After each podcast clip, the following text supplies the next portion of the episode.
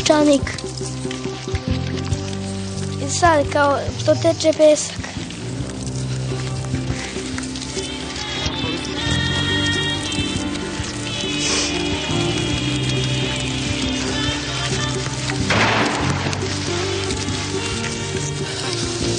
On je čovjek dosadan. I'm so sorry. On je čovjek dosadan čovjek. On je uvijek bio dosadan. Peščanik. Opšta histerija.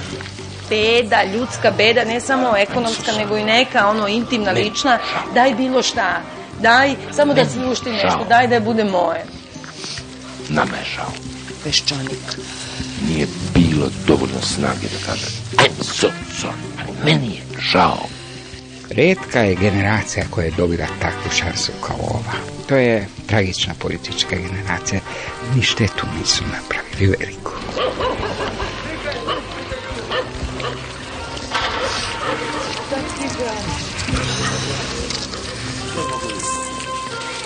Peščanik.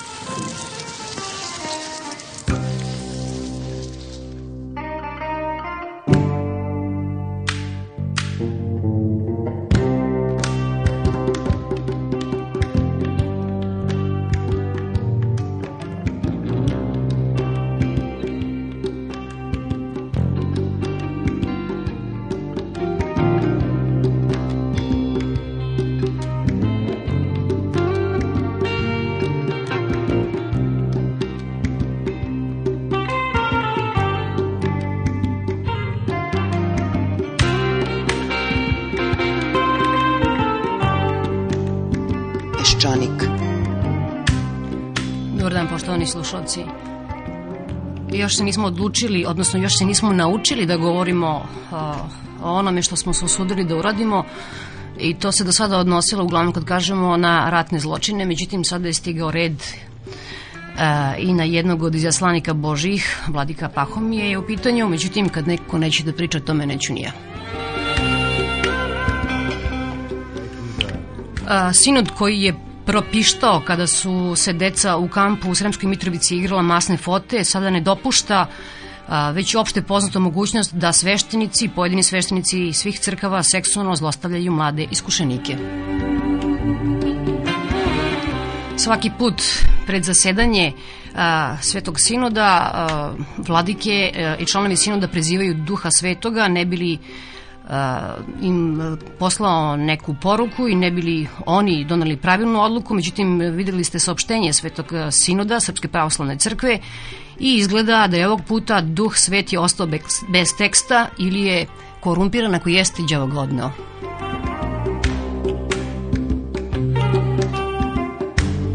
I samo ću vam pročitati dve vesti koje su vam možda promakle o ovim predprazničnim danima u stvari.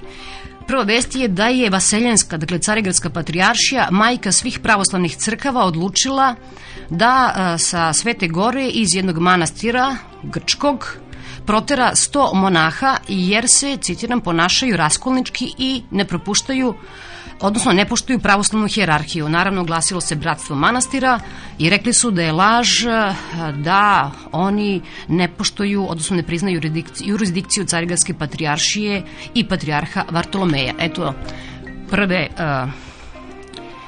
prvog primjera kako može i treba da se i kako crkva zna kada hoće da trenira strogoću. Drugi primer, Gimnastička federacija Rumunije kaznila je tri bivše olimpijske pobednice, a, zabranila im da budu sudije, da budu treneri na zvaničnim takmičenjima u narednih pet godina jer su se slikale gole za jedan japanski kalendar, a onda su ne samo to, nego su vežbale gole na spravama raznim i tome su, odnosno na taj način su jednostavno a, oskranavile sport i dakle pet godina im je zabranjeno da nose rumunski grb. A, ovih dana inače dodeljivana ova nagrada Žanke Stokić i uvijek se setim da je ona dakle 45. godine posle a, dolazaka, dolaska oslobodilaca bila kažnjena 5 ili 6 godina, bila je oduzeta srpska nacionalna čast, ali ona se osvetila i tražila da je na sahrani pevaju Oj Srbijo, mati, nemoj tugovati.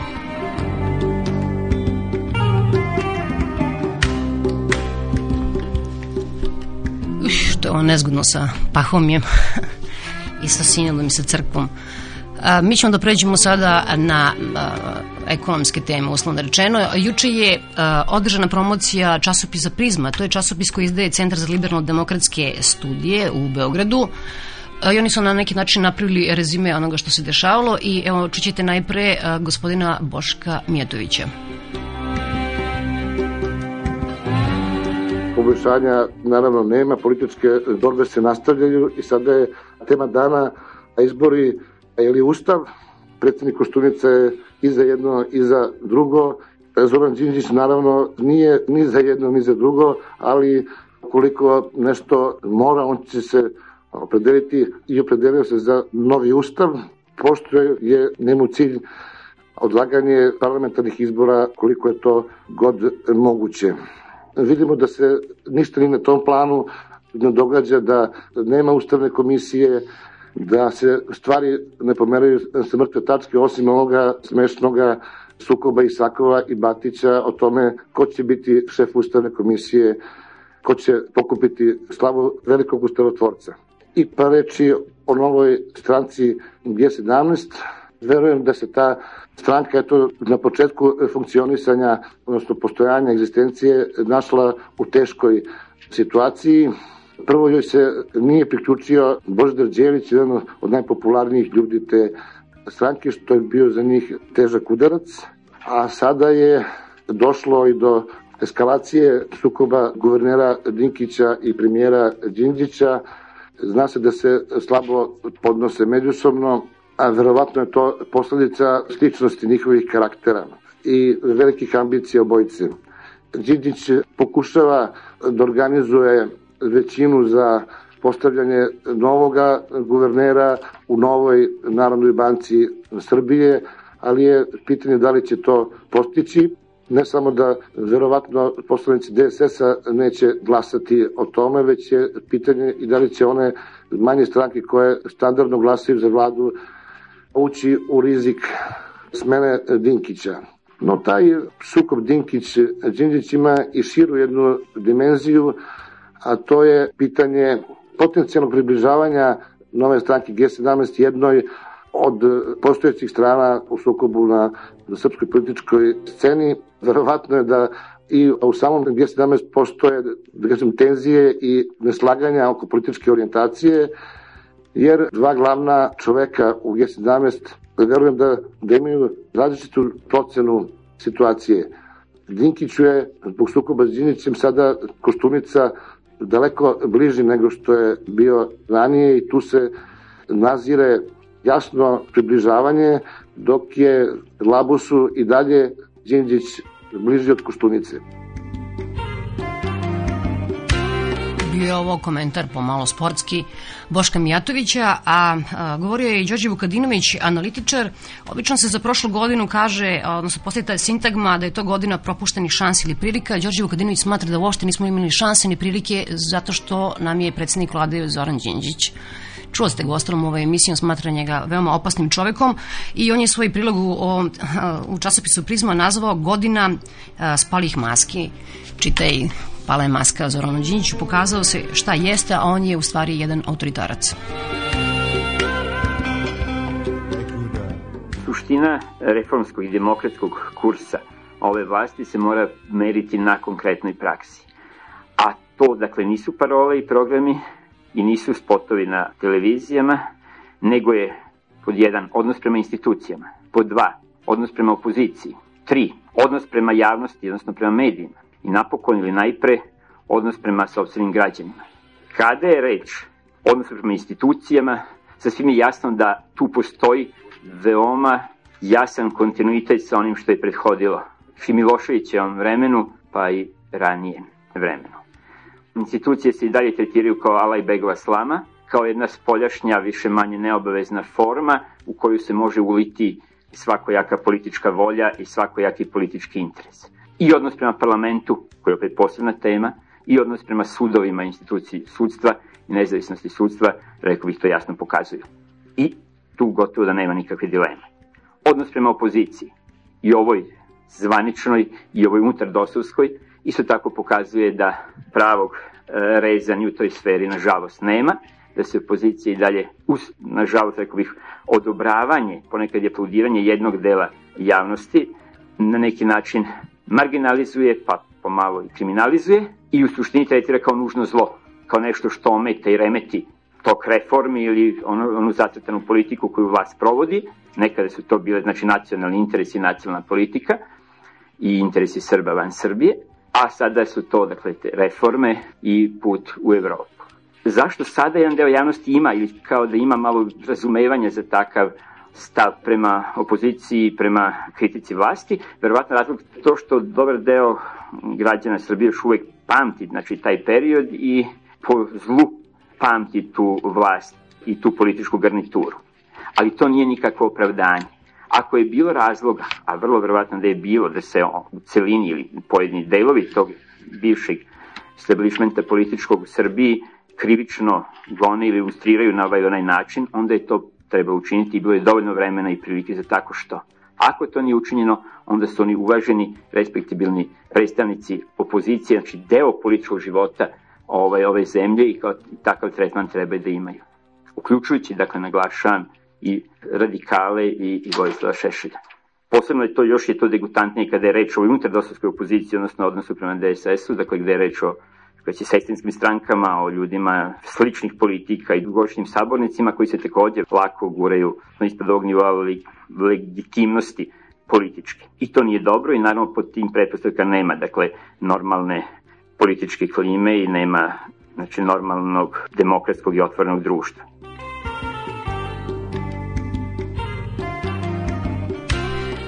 Gospođa Danica Popović je profesor na ekonomskom fakultetu. Ona je juče takođe govorila i ona sebe smatra zastupnikom, kako kaže, surovo liberalnog koncepta. Naravno, sa tačke gledišta oštro kritikuje vladu i premijera Đinđića da suviše štiti da mazi našu privredu. A jedan surovi liberal je relativno često bio gost u emisiji, to je Miroslav Prokopijević i on je uh, često pominjao izvesnog Marta Lara, a taj gospodin je napravio, kažu, čudu u Estoniji uh, i pošto je bio ljubitelj Margaret Thatcher jednom je rekao Margaret Thatcher je odlična samo da imala malo više tržišta još. Možete misliti kako su onda a, surovi ovi naši a, liberali koji duše da sada vlada ne sluša. Gospođa Danica Popović a, smatra da u trouglu a, a, harmonizacija a, Crna Gora i Srbija sve u redu osim tri stvari. Harmonizacije Srbije i Crne Gore, to je Bermudski trougl i on analizira sva ta tri kraka.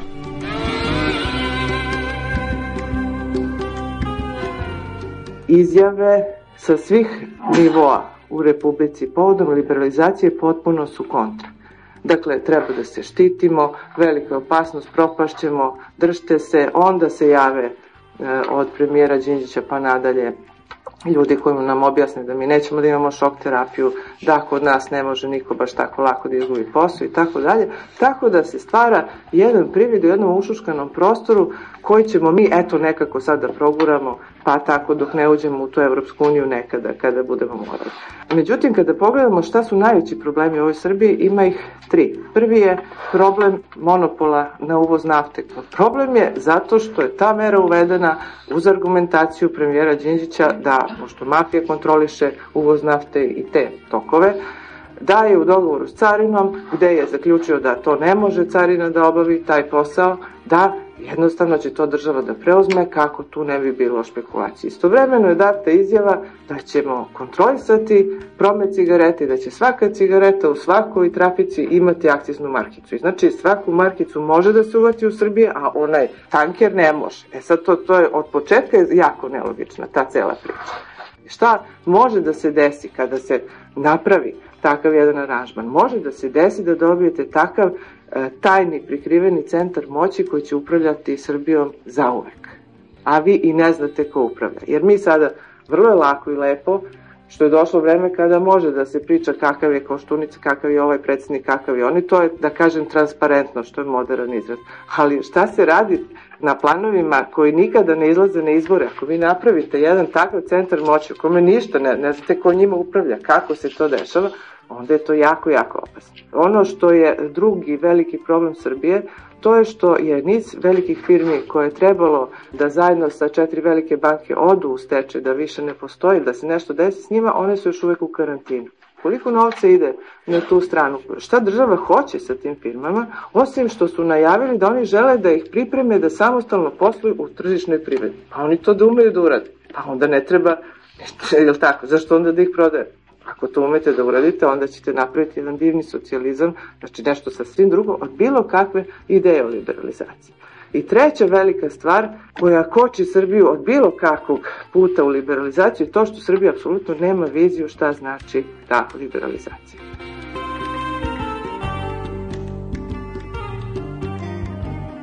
Taj surovo liberalni koncept za koji se ja zalažem, hoće da kaže sledeće. Zašto treba da štitim ja srpsku privredu? Ako ja želim da u srpsku privredu dođe strani kapital koji će da, na ključnim tačkama da poprine razvoj, svako nek sebi u glavi zamisli pet velikih svetskih firmi koje želi ovde da vidi, pa ili onda treba da štitite i te firme. Dakle, da napravim ambijent da će carine na buduću elektroniku koja neće biti ja i niš, nego će da bude, ne znam, sanio bilo šta, zar da štitimo Japan, najbolje Japance, najbolje Amerikance, najbolje Nemce, najbolje Francuze, najbolje strateške investitore. Ili da im ostavimo da im bude kao svuda u svetu. I treće, koga da štitimo? U Srbiji treba štititi, to mi uvek svi kažu, tekstil i obuću, to dobro, u redu. Ali koji tekstil i koju obuću? Kod nas ogromne kombinate kao što su Behu, kao što su one razvaline od fabrika obuće koje niko ovde ne kupuje, na njih se tu misli da se štiti. A na naše dobre firme kao što su Mona, Manuel i ostali privatni proizvođači kože i obuće, ma na njih niko i ne misli da ih štiti. Dakle, šta mi štitimo? Opet da štitimo propale fabrike, radnike koji nikad neće moći da proizvedu normalnu cipelu, normalnu tašnu ili ne znam ja, bilo šta drugo. Ako je to vizija, ja predlažem onima koji to zastupaju da fino ulože svoje pare u tu zaštitu. I to je otprilike problem sa Srbijom. Srbija nema viziju. Srbija ne zna kuda želi da ide. Naš drugi veliki problem je Crna Gora. Ne treba mnogo začačkati po Crnoj Gori pa da se vidi da, da je situacija skoro bezizlazna. Na planu te iste liberalizacije ne samo e, da ništa nije urađeno, elementarni koraci nisu urađeni, dozvole, kvote, svi oni instrumenti koji, koji su obeležili mrak Srbije 90. godina, u Crnoj Gori su još uvijek na snazi. Procedura spoljno-trgovinska u Crnoj Gori je crnja nego što je bila u Srbiji za vreme Miloševića. To naravno da ne piše u dokumentima, niko i ne vidi, ko se ne upusti u taj posao, tako da s te strane crnogorsko čudo izgleda vrlo impresivnih, dok samo malo ne, ne otvorite vrat. Crna Gora je zemlja u kojoj dominira aluminijumsko-energetsko-sirovinski kompleks. Sem toga ništa ne funkcioniše. Ako vi tu ne subvencionišete, Crna Gora neće imati od čega da živi. 50% budžeta ide na plate. I poslednje, što je veliki problem Crne Gore, što tamo strani kapital ne dolazi, osim što ne dolazi, oni koji su došli hoće da idu. Tako da mislim da bi jedini spas za Srbiju u ovom slučaju, za Crnu Goru ne znam, bio da se prijavimo za samostalan ulazak u Svetsku trgovinsku organizaciju. Na taj način bismo i jednima i drugima sačuvali i vreme i živce, a i pružili izvesnu nadu da se harmonizacija obavi jednog dana kada uđemo svi zajedno u nju. Peščanik.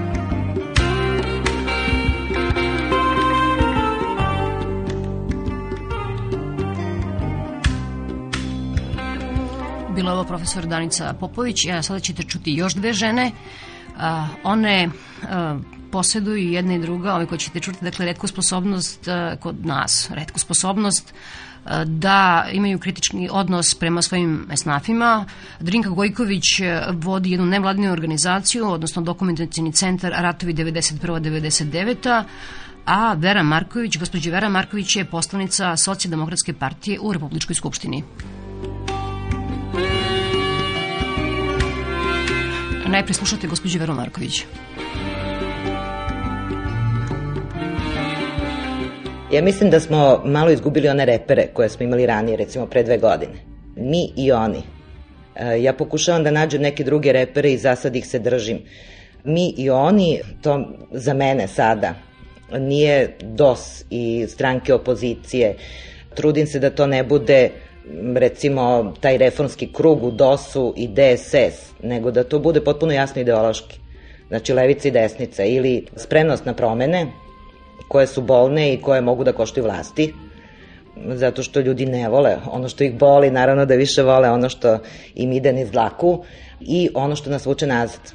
A ono što nas vuče nazad, toga ima jako mnogo. Recimo kad gledam vesti, juče sam videla onu informaciju i najavu na B92 oko slučaja onog dečaka u Velikom gradištu. Ja sam prethodno videla u novinama, u Danasu i to me jako potreslo. Ne samo zbog toga što se to dogodilo, što je bio zlostavljan e, dečak romske nacionalnosti, to me isto pogodilo jer mislim da bi bilo bitno drugačije da nije romske nacionalnosti. To se događalo pred punom kafanom sveta, policija je znala dugo, ali je mislila da je trač. Niko od ljudi nije prijavio jer se plašio. To, to je sve slika o Srbiji, o nama i o tome kakvi smo ispod kože. Mi smo ispod kože još uvek grozni. Uopšte se nismo umili, nismo se spremili ni za šta. Znači, tu, ne znam, i tužilaštvo nije reagovalo, nije reagovala policija, niko od ljudi nije imao hrabrosti da anonimno okrene telefon. Možda zato što je bio ronski dečak. Mene to jako boli.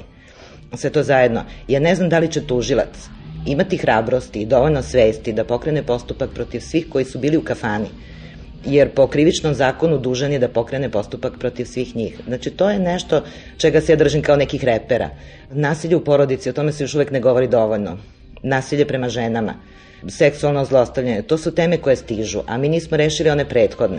Nismo rešili uopšte da hrabro, glasno, normalno govorimo o tome što će da nas rastereti šta se dogodilo ovde za vreme režima Slobodana Miloševića. Ja sam mislila da će to biti prva stvar.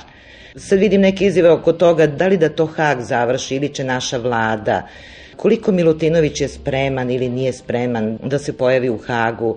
Sve je to toliko u onom sfumatu, a trebalo bi da bude potpuno jasno na suncu, da se zna. Kao reakcija na to idu mišljenja građana 74% mislim u nekoj televizijskoj anketi smatra da organizovanih ratnih zločina sa srpske strane nije bilo. I mislim da je to porazni rezultat e, naše dosove reformske vlasti u posljednje dve godine. Ona pitanja koja su najbolnija nisu otvorena, nego se prave mali pomaci da se stvori nešto što bi ličilo na društveni konsenzus, a daleko je od toga. Ulagivanje onome čemu ne bi trebalo. Recimo to sa uvođenjem veronauke i posle toga vi nemate, posle duže perioda, nemate nikakav izveštaj o tome da li je taj projekat profunkcionisao, koji su rezultati, čine se neka pomeranja prema onome što je glavni tok javnog mnenja, a on je još uvek krajnje desničarski, konzervativan. Naši ljudi nisu spremni za promene, a mi im ne pomažemo da se za njih pripreme. Eto, to je ono što me boli. Mislim da tu treba da imamo neke repere. Hrabro otvaranje pitanja, pomaganje ljudima da shvate u kom pravcu treba da se krećemo da bismo postali dosadno društvo.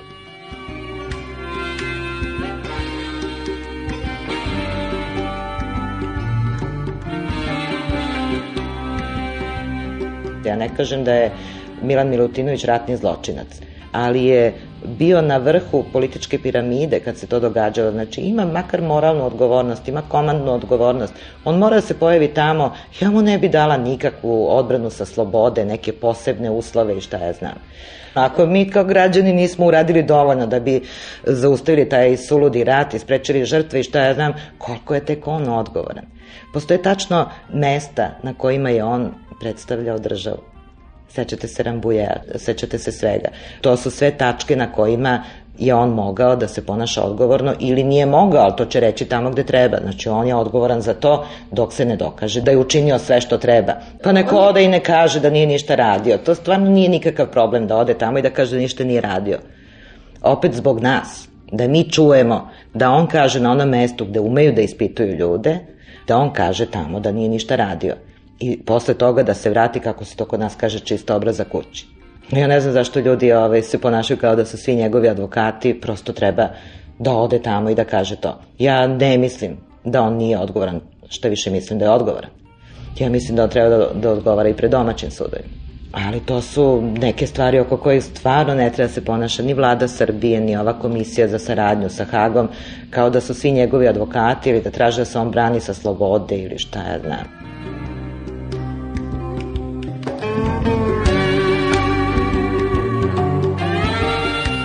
Mi kao neka politička elita, neki njen bilo koji sloj ili deo, očekujemo da se ljudi promene i onda se zgražamo kako su ljudi grozni. Oni uopšte nisu grozni. Čini mi se da nekako kao do ovog trenutka čitava naša politička elita je malo uspavana. Izgleda kao da je to prošlo, bez onolikih potresa koliko se očekivalo. Posle promena 5. oktobra prošle su pune dve godine. Kao hvala Bogu ništa se nije dogodilo, međutim ništa se nije ni promenilo. Mi vidimo da nacionalizam raste. Mi vidimo sve te pojave o kojima se malo više priča kad su se dogodile pred samom patrijaršijom. Međutim, sve do sada ti obskurni skupovi, recimo Svetog Justina, filozofa, te grupacije, gde se otvoreno poziva na mržnju prema drugim nacijama, na tim skupovima su uvijek bili predstavnici crkve. I sada kad se to dogodi na samom pragu crkve, patrijaršije, onda se o tome priča. Recimo, o vladici Pahomiju trebalo je da se priča pre nego što su podnete krivične prijave. Ono što bi bilo najpoželjnije to je da se crkva malo pozabavi time, da se suoči sa tim, to se događa u svakom segmentu društva, seksualno zlostavljanje i takve stvari, to je tek predmet neke istrage i rasprave, ali mislim da bi crkva morala da ide ispred toga, da se suoči s tim da toga ima kao i u svakom segmentu društva i da ima svoj stav potpuno jasan pred društvom, pred vernicima i pred širim društvom koje potpuno legitimno čine i ateisti i agnostici i da kaže u našoj crkvi nema mesta takvim ljudima zato što crkva pre svega radi na ljudskim vrednostima, znači tu apsolutno nema, nema mesta za takve ljude. To bi mnogo pomoglo crkvi, pomoglo bi vernicima da u crkvu imaju mnogo više poverenja, ne samo u crkvu, u sveštenike. I pomoglo bi ugledu crkve u našem društvu. To što vlada čini neke ustupke u crkvi, to ništa ne doprinosi, zato što se ne suočava ni crkva sa svojom odgovornošću, ni vlada sa svojom, nego se svi ulaguju najnižim strastima ljudi i mi nismo spremni za donošenje recimo zakona protiv nasilja u porodici, što smatram da je ključno. Zakona koji štite ljudska prava, recimo zakona o ombudsmanu. Nama je vlada dala predlog zakona o ombudsmanu koji je bukvalno smešan. Vlada je zamislila da je to neki državni činovnik koga će vlada da cima kako hoće. Zapravo to treba da bude parlamentarno telo koje će kontrolisati rad pravosuđa. To je ono što je za vladu bolno. Ona donosi zakon o ombudsmanu, a ne daje ombudsmanu ona ovlašćenja koja treba da ima ombudsman. Znači, mi nismo spremni da počnemo da štitimo ljudska prava, ne zato što to od nas traži svet i što nećemo ući u Evropsku uniju i što ne znam šta, nego zbog toga što to nama treba. I niko ovde neće da kaže da nama to treba, nego stalno se govori da to neko od nas traži.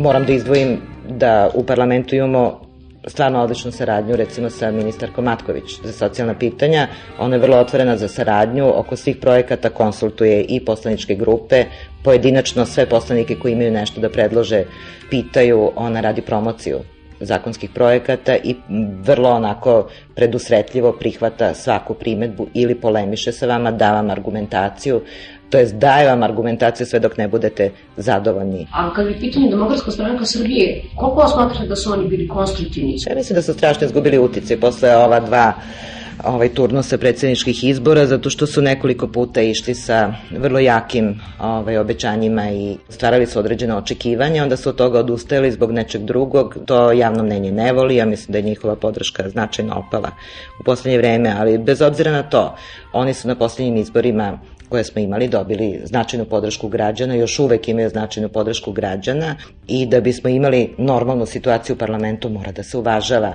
odnos snaga, da to definitivno ne bude samo odnos brojki u glasanju, nego jedan ozbiljniji način razumevanja. Međutim, ovaj, postoje neki put vrlo ozbiljne kritičke primetbe, stavovi DSS-a koji se ne uvaže zbog toga što trenutno ima dovoljno podrške DOS-a, pa se ne uvaži nešto što bi značajno popravilo zakonski projekat. Mislim da je to nedopustivo da je to loše i za vladu Srbije i za parlament. Tome donekle ide na ruku i to što po sadašnjem zakonu mi imamo imperativni mandat kao poslanici. I u stvari mi moramo da glasamo onako kako se dogovorimo u poslaničkom klubu. Mnogi od amandmana DSS-a ja bih prihvatila u toj situaciji, međutim ne osjećam se loše što ih nisam prihvatila, zato što je sada naš mandat imperativni.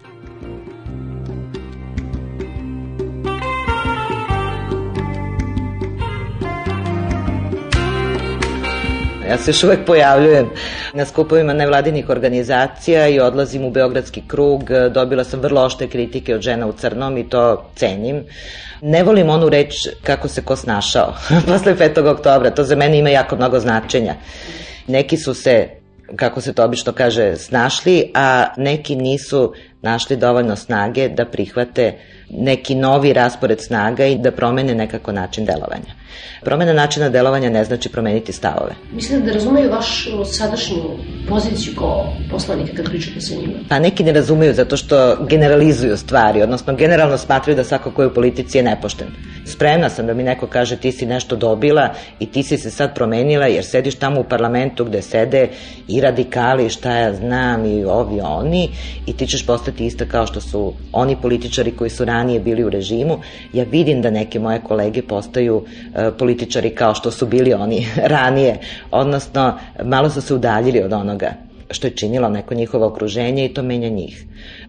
Dosta vodim računa o tome da se ne promenim u tom smislu, ne u smislu neke koruptivnosti ili ne znam, da, da ću ja da postanem, ne znam, ovaj, vlastohlepna ili ne znam šta, nego da mi se ne promeni vizura, da uvek vidim društvo onako kako sam mogla ranije da ga vidim od ozdo. Ja ne mislim da sam sada gore, nego sam na poziciji gde se od ozgo uređuje, kroz zakonske projekte se uređuje društvo. Ja moram da ga vidim kroz vizuru onih ljudi koje će ti zakonski projekti pogađati ili će im olakšavati život.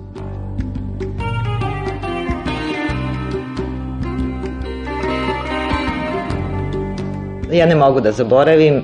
Kaže, nažalost, zato što mislim da to nije dobro, ali od kako sam ovde ove dve godine, ja nisam nijednom progovorila sa radikalima, jednostavno njih i dalje smatram svojim političkim neprijateljima i ljudima sa kojima ne mogu da podelim ništa značajno. Digla sam ruku i glasala za onaj amandman koji je bio prihvatljiv i oko toga se ne osjećam loše, to je amandman, to je nešto na papiru, ali sa tim ljudima, sa tim osobama ja ne mogu da razgovaram. Isto tako ni sa socijalistima. Imam neki lični loš odnos prema, prema njima, ja ne mogu da normalno komuniciram. Peščanik. Gospođa Vera Marković, poslanica socijaldemokratske partije u Skupštini Srbije. Sada slušate Drinku Gojković.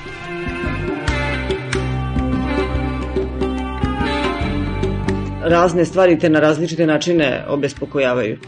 Najviše te obespokojava ono što je najdrastičnije, to su ti događaji sa decom. Ono što me potpuno bilo izbacilo, to je ovo sa ovim dečakom od 9 godina.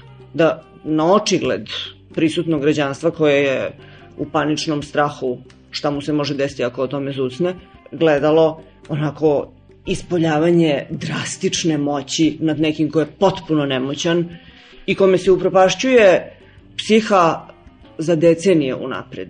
Jel? A upropašćuju se i onima koji to gledaju, jednako. Sad, oko ovog nesretnog ministra pravde Batića i cele te a, smešne emisije. Mislim, Batić je izjavio, pa eto, to je jako gledano i to su baš gledalci prihvatili. Ama nikako ti političari da shvate da nije njihova uloga uopšte da mere svoj rejting i da mere svoju popularnost i omiljenost. Njihova uloga je u ovakvom rasturu kakav mi imamo posle tih 20 ili 15 godina propadanja, njihova uloga je da imaju potpuno jasnu, pa između ostalog i vaspitnu funkciju. Vaspitnu funkciju, da imaju viziju menjanja tog društva. Na nesreću to nema ni ova alternativna scena. Alternativna scena se potpuno ušančila u nekoj poziciji tog starog kritikovanja disidentskog svega postojećeg i ništa dalje od toga. Mi nismo izišli iz te sad već potpuno dosadne želje Srbija mora da se suoči sa samom sobom. Ja ne znam šta to znači. A ubeđena sam da oni koji to izgovaraju takođe ne bi znali da kažu šta je to. I jednom tako praznom formulom užasno se antagonizuje svet koji je zapravo predmet te poruke. Nekako ne mogu da dovoljno dobro razumem, ne mogu da razumem tu, kako da kažem, narcisoidnost i narcisoidnu vezanost za jednu istu poziciju bogom danog pa ne ni kritičara, nego nekoga ko udara recke nekom drugom, a sam se ne osjeća obaveznim da bilo šta pozitivno ponudi. Mislim da je dobra slika svega toga i ta polemika u vremenu od pre nekoliko meseci. Prosto je neverovatno koliko ona ništa novo nije donela i koliko je stav koji je čini mi se mogao da provocira i jeste u stvari sam po sebi jeste provocirao Cerovićev stav koliko je on ostao onako pun bubotaka i potpuno neshvaćen i potpuno neiskorišćen i kao provokacija i kao podsticaj i kao na kraju krajeva jedan novi uvid u staru situaciju. Ta sintagma Srbije mora se suči sa prošlošću. Šta ti misliš da oni podrazumevaju ili Šta ti po tim podrazumevaš? Odnosno, Pa ja na prvom mestu stvarno ne volim u stvari ni da se služim takvom sintagmom. Meni se čini da oni podrazumevaju po time neku neophodnost da Srbija shvati šta je Srbija radila tokom tih prošlih deset godina. Koja Srbija to da shvati? Na koga se odnosi taj zahtev? Ne mislim da je poenta u tome da se ljudi sad suočavaju sa tim slikama nasilja i da će kroz tu šok terapiju da dožive preobražaj. Mislim da bi dobro bilo kad bi se krenulo na neku pozitivnu priču o prijateljstvu. Mi smo to videli sad kad smo prikazivali ovaj uh, film Jaran i Mitka Panova. Ljudi se otvaraju kad dobiju nekakvu pozitivnu poruku, onda su mnogo sposobniji da sve negativne aspekte koji su u to uključeni ravnopravno, nekako bez te gobe, prihvate kao stvar koja i takođe obavezuje.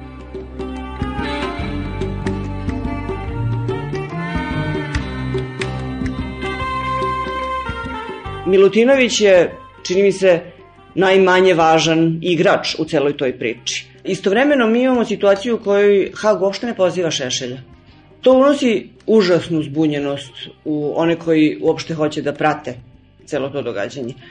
Činjenicom da ti ne pozivaš Šešelja, a ipak je manje više jasno da su svi razlozi da se on pozove tu, činjenicom da ti praviš dil sa uh, Biljanom Plavšić koja na prvom pojavljivanju u sudu kaže časni sude ja se ne osjećam krivom da bi par meseci posle toga rekla da se ona baš temeljno upoznala. Nije tokom svih onih godina dok je bila u Bosni, dok je to bilo ispred nosa, a sad je tokom tih par meseci shvatila koliko je sve to strašno.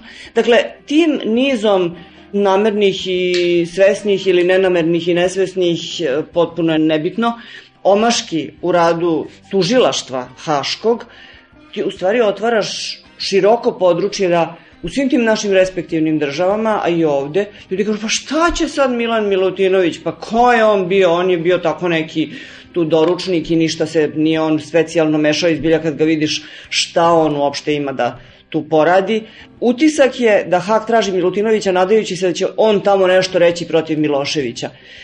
Nismo i došli još do te tačke da samo zato što si bio u aparatu vlasti, tvoja odgovornost postaje belodano jasna. Mislim, bila su sad nedavno okončana ta neka suđenja za grozne zločine u Bosni. Kaže, dobio je recimo pet i po godina i od toga je već odsedeo tri i po i evo preostale su mu da... Pa ti se naježiš kad to čuješ. Jel cela ta fertutma oko toga da bi neko dobio pet i po godina, ne mogu da se snađem uopšte šta su opet i reperi tog suda, na osnovu čega se izriču te kazne. To sve zbilja nema nikakvu egzemplarnu funkciju više, prosto ne može da ima. Da, imamo sad ovu situaciju sa tim zaštićenim ponovo svedokom, čovjek iz crvenih beretki koji priznaje svoju umešanost u ne samo ubistvo Arkana, nego i u bezbroj drugih stvari. Naravno, kao i toliki drugi svedoci, on sam nije ni u čemu učestvovao, kaže on. On je samo to čuo, a po nešto i video, ali sam nigde on nije okrvavio ruke. Pa kako mi da verujemo u to? Prosto nije to ubedljiv način da jedan kriminalac svedoči protiv drugog ili da jedan zločinac svedoči protiv drugog zločinca. I zašto mi na kraju krajeva ne možemo da dobijemo od Haga jasnu definiciju? Neophodno je da se naprave dilovi sa optuženima. Pa da onda znamo šta je u stvari. Pošteno da kažem, ja uopšte ne razumem ceo taj postupak kroz koji je Biljana Plavšić postala odjednom heroina, nova heroina srpskog nacionalnog korpusa, jer ona je priznala svoju krivicu. Pa ja ne vidim da je ona priznala krivicu. Ona je pristala da prizna nešto zato da bi dobila nešto. Pritom je ostalo potpuno zaboravljeno. To je njeno čuveno neka šest miliona Srba izgine, drugih šest će graditi svoju državu uopšte ne vidim u stvari šta je sistem na kojem počiva taj Hag. Šta se želi postići? Hag nekako bi morao da prosto adekvatno kazni zločine kojima se bavi i da ponudi adekvatnu evidenciju o tim zločinima. Ja ne vidim da se to događa. E sad, mi smo utoliko u rakljici što kakav god da je Hag, ono čime se Hag bavi je totalno važno i važno je da mi budemo svesni toga koliko je to važno, da prosto ta havarija koja je ovde napravljena ne može da otplovi u zaborav. Za nas je čini mi se mnogo važnije o čemu je u Hagu reč, nego u krajnjoj liniji na koji način Hag s time izlazi na kraj. Jer najzad Hag piše svoju sobstvenu istoriju, a mi bismo se morali nekako jako potruditi da tu našu istoriju napišemo sami.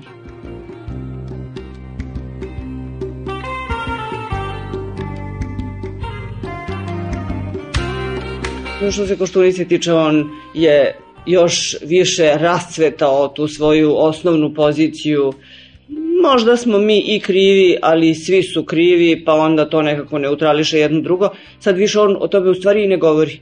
On je onako potpuno rezignirao u odnosu na temu, odnosno on nam šalje poruku da je ta tema stavljena ad akta ili bar da je zaslužila da bude stavljena ad akta. Što se Đinđića tiče, ja mislim da je Đinđić sa tom svojom ogromnom pameću koju ima, ja mislim, neko ko bi bio kadar da neke stvari jasno, javno formuliše. Ja mislim da bi on mogao da ima ulogu koja ga uopšte ne bi skupo koštala za razliku od onoga što on misli. Da nekako iziđe kao prvi političar u regionu koji bi rekao jeste evo ovo je naše, ovo je naš teret prošlosti. I sad kad kaže to, on odmah ima pravo da kaže teret tuđe prošlosti u odnosu na nas je takav, takav, takav i takav. To je ono što na neki način radi Mesić. Mesić koji je mnogo grešniji za rat u regionu i za rat u Hrvatskoj, nego što bi ošte mogla se misli da bi Đinđić mogao imati veze. Čini mi se da bi Đinđić mogao i vrlo elegantno i vrlo pametno i vrlo nekako produktivno da tu temu regionalno postavi kao stvar oko koje sad treba da se okupe regionalne snage i da je isteraju na čistinu. Đinđić to iz mnogo razloga ne radi, verovatno je jedno čisto oportunizam, drugo ili ento, ne znam koje po važnosti, ali je činjenica da se najčešće njemu upućuje taj zahtev sa ove naše alternativne scene kao zahtev koji podrazumeva ti moraš biti drugi Willy Brandt, odnosno, što je još važnije, Srbija je isto što i nacistička Nemačka, ama nikako, prosto nikako. Nije uopšte ovde dovoljno jasno razrešen ni na jednom nivou, pogotovo ne na ovoj alternativnoj sceni koja se time kao najviše i bavila. Nije razrešen taj problem Srba u Hrvatskoj i način, odnosno sve katastrofalne greške u razrešavanju tog problema koji je postojao. U Hrvatskoj takođe uopšte ne vidim da je to čujeno srpsko pitanje u vremenu pre početka ratova i početka ratova stiglo do neke javne scene. I bez tog premrežavanja, bez tog zaista stavljanja svih karata na sto, sa svih strana, nema šanse. Stalno se mi nekako tučemo ko je najmanji krivac i ko je najveća žrtva i pri tome krivci ostaju zapravo zaboravljeni, a žrtve, što je još gore, potpuno prezrene na neki način. Koga više uopšte zanima? Koga zanima u Srbiji od aktualnih političkih vlasti? Šta je sa tim izbjeglicama koje i dan danas sede u sabirnim centrima i sad ih iz tih sabirnih centara izbacuju. Ne vidi se da se bilo Koštunica, bilo Đinđić kreću prema nekoj, već od Koštunice mislim to ošte smešno i očekivati. Đinđić se, čini mi se, ne kreće prema toj čistini na kojoj bi mogao da otpočne jedan važan proces ili prosto sam da da taj glavni takt za otpočinjanje tog procesa. I možda ćemo to od njega doživjeti. Nije to sa svim isključeno. Nije sa svim isključeno ali mislim da ne treba tražiti od njega da iziđe na glavni trg uh, u Srbiji i da počne da se bičuje glede srpske krivice. Mislim da treba tu vrstu retorike prosto izbaciti iz upotrebe. To suočavanje Srbije sa samom sobom, pa šta je to? Odmeravanje srpske krivice, pa šta je opet i to? Mislim, ne znaš u šta pre da gledaš, da li u tu krivicu, da li u te strahote, da li u te tragedije, da li u te unesrećene ljude na sve strane a istovremeno ne znaš da li pre da gledaš i na te učesnike rata koji ne postoje uopšte, tako reći, ni za koga na javnoj sceni. Oni su otišli u rat, po mojom mišljenju, ne zato što su svi bili propalice i bitange i željni plena, bilo ih je koji su išli zaista iz čistih ideala. Mi možemo da kažemo to su ideali neadekvatni, ali to su ljudi koji su ipak otišli, to jednom čini mi se rekao i Pupovac, i to je tačno, da.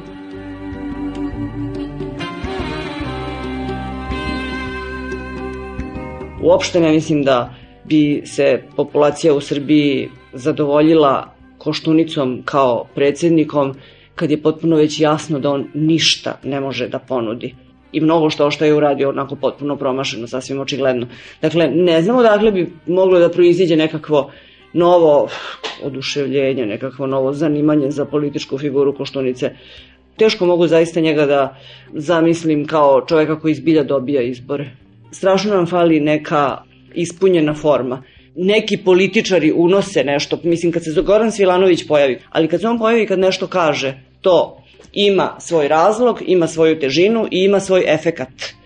I ne vidim da bi to moglo trajno ostati model koji se zanemaruje. Naprotiv, mislim da to mora postati model koji se samo multiplikuje.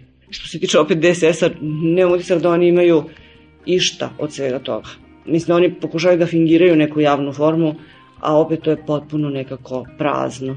Jer ono što oni nude kao vrednosti pokazuje se kao sad pred ovom patrijaršijom velika je vrednost pravoslavlje i crkva i crkva unosi taj odsutan sistem vrednosti moralnih pravila i onda se na prvom ćošku pokaže da tu ne postoji ništa, ni od morala, ni od pravila, ni od vrednosti, ni od čega. I to ljudi vide, nisu ljudi baš slepi i gluvi. Ja sam se nadala da će Labus u stvari preuzeti deo te uloge, ali Labus je baš nekako promašio s tim svojim formiranjem sobstvenog političkog identiteta bojim se da možemo da postavimo mnogo veća još, ne provincija, nego onako neka rupa koja sama u sebe tone, koja se onako samo sve više osipa i urušava i da postanemo beznačajni ne za svet, nego za sebe same. To čini mi se da je glavna opasnost. Ne očekujem da dođe do toga. puj, puj. Peščanik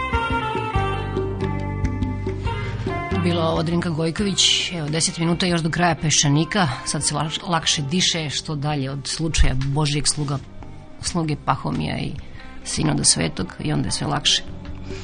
Malo ćemo sada na kraju da pogledamo u svet. Jel da, kad čitate vesti sveta, da sve teškoće i krize u tom belom svetu izgledaju onako objašnjive i rešive i samo se čini da ti narodi nemaju baš mnogo hrabrosti da reše svoje pomalo komično jasne u stvari probleme.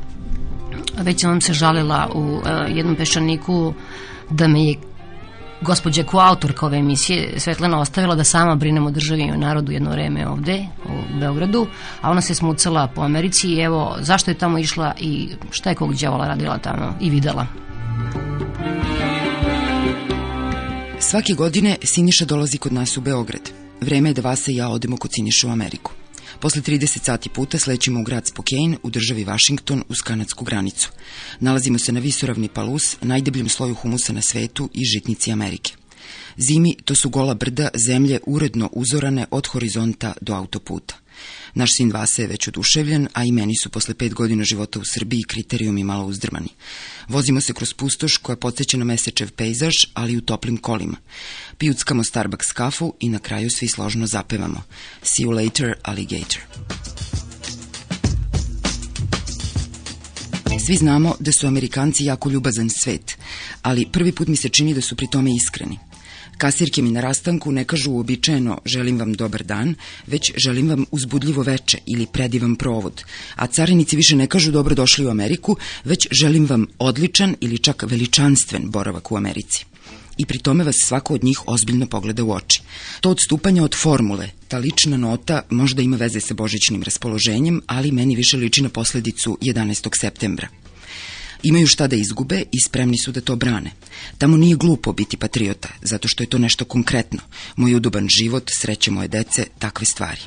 I američke zastave na McDonaldsima tamo su ubedljive, nisu smešne kao kada ih gledamo odavde. Evo primjera. Novu godinu smo dočekali na planini Švajcer. Vasa je hteo da se sanka, ali tamo je predviđeno samo skijanje. Onda je Siniša nabavio plastični poslužavnik i Vasa se čitav dan spuštao niz neki kanal ispod prozora naše sobe. Oko ponoći kod kanala se pojavio bagjer i do pola dva pravio brdo za sankanje. Tako je vozač bagjera proveo svoju novogodišnju noć. Da, bila je njegova smena i rekli su mu da to uradi, ali jednim delom on je pravio to brdo i da bi Amerika bila bolja. To tamo radi. Sutradan su se pojavile i sanke.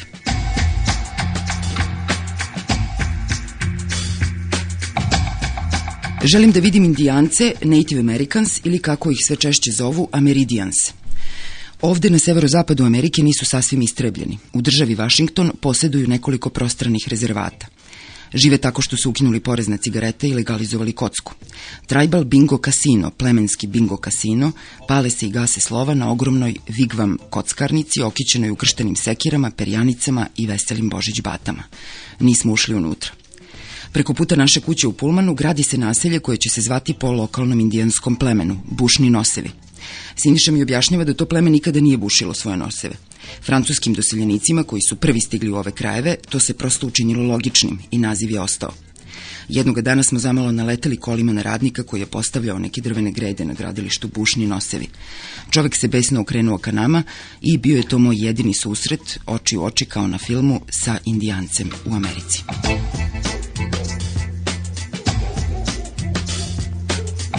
Nikada nisam želela da odem u Kaliforniju. Zamišljala sam je kao beskrajnu plažu po kojoj se milioni ljudi po čitav dan bezrazložno smeju. Znači mesto sa kojim nije moguće uspostaviti odnos. Saznanje da nisam u pravu i to šta je Kalifornija meni desili su se u svega nekoliko trenutaka kao neki udar na putu za Disneyland koji je opet zaista grozan.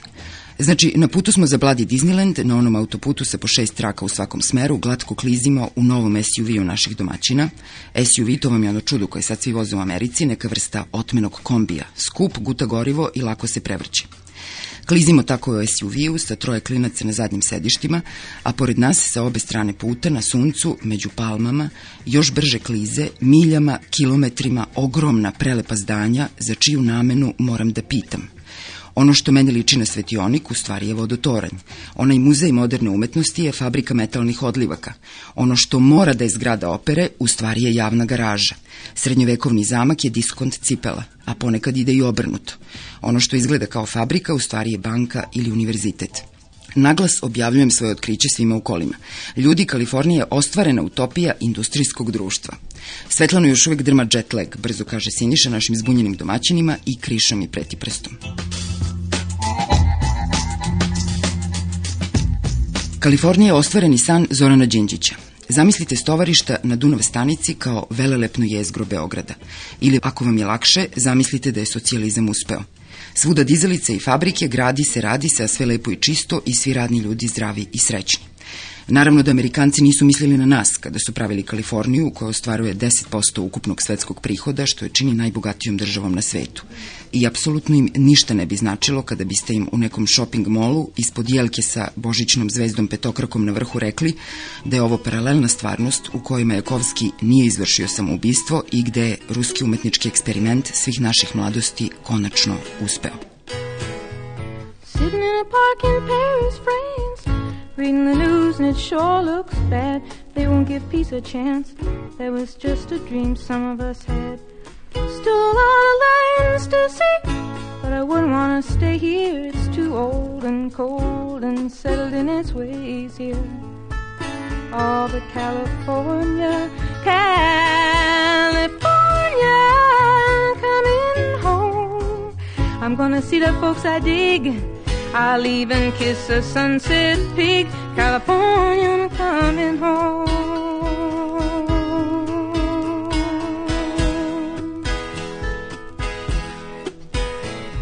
I met a redneck on a Grecian Isle who did the goat dance very well. He gave me back my smile, but he kept my camera to sell.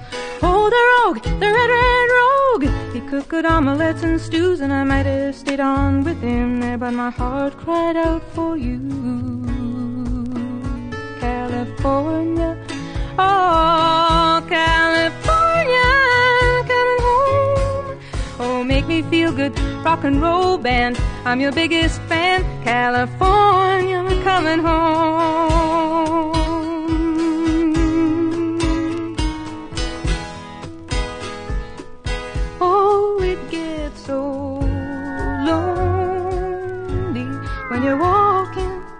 The streets are full of strangers.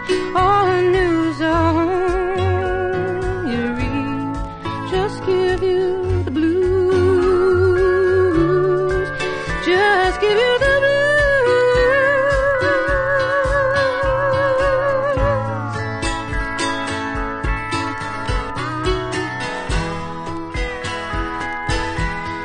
Slušate Kaliforniju Johnny Mitchell, a ovo do sada je bila emisija Peščanik. Marko Perunović je bio realizator, Ratko Ristić je montirao, a emisiju su pripremile Svetlana Vuković i Svetlana Lukić. Prijetno.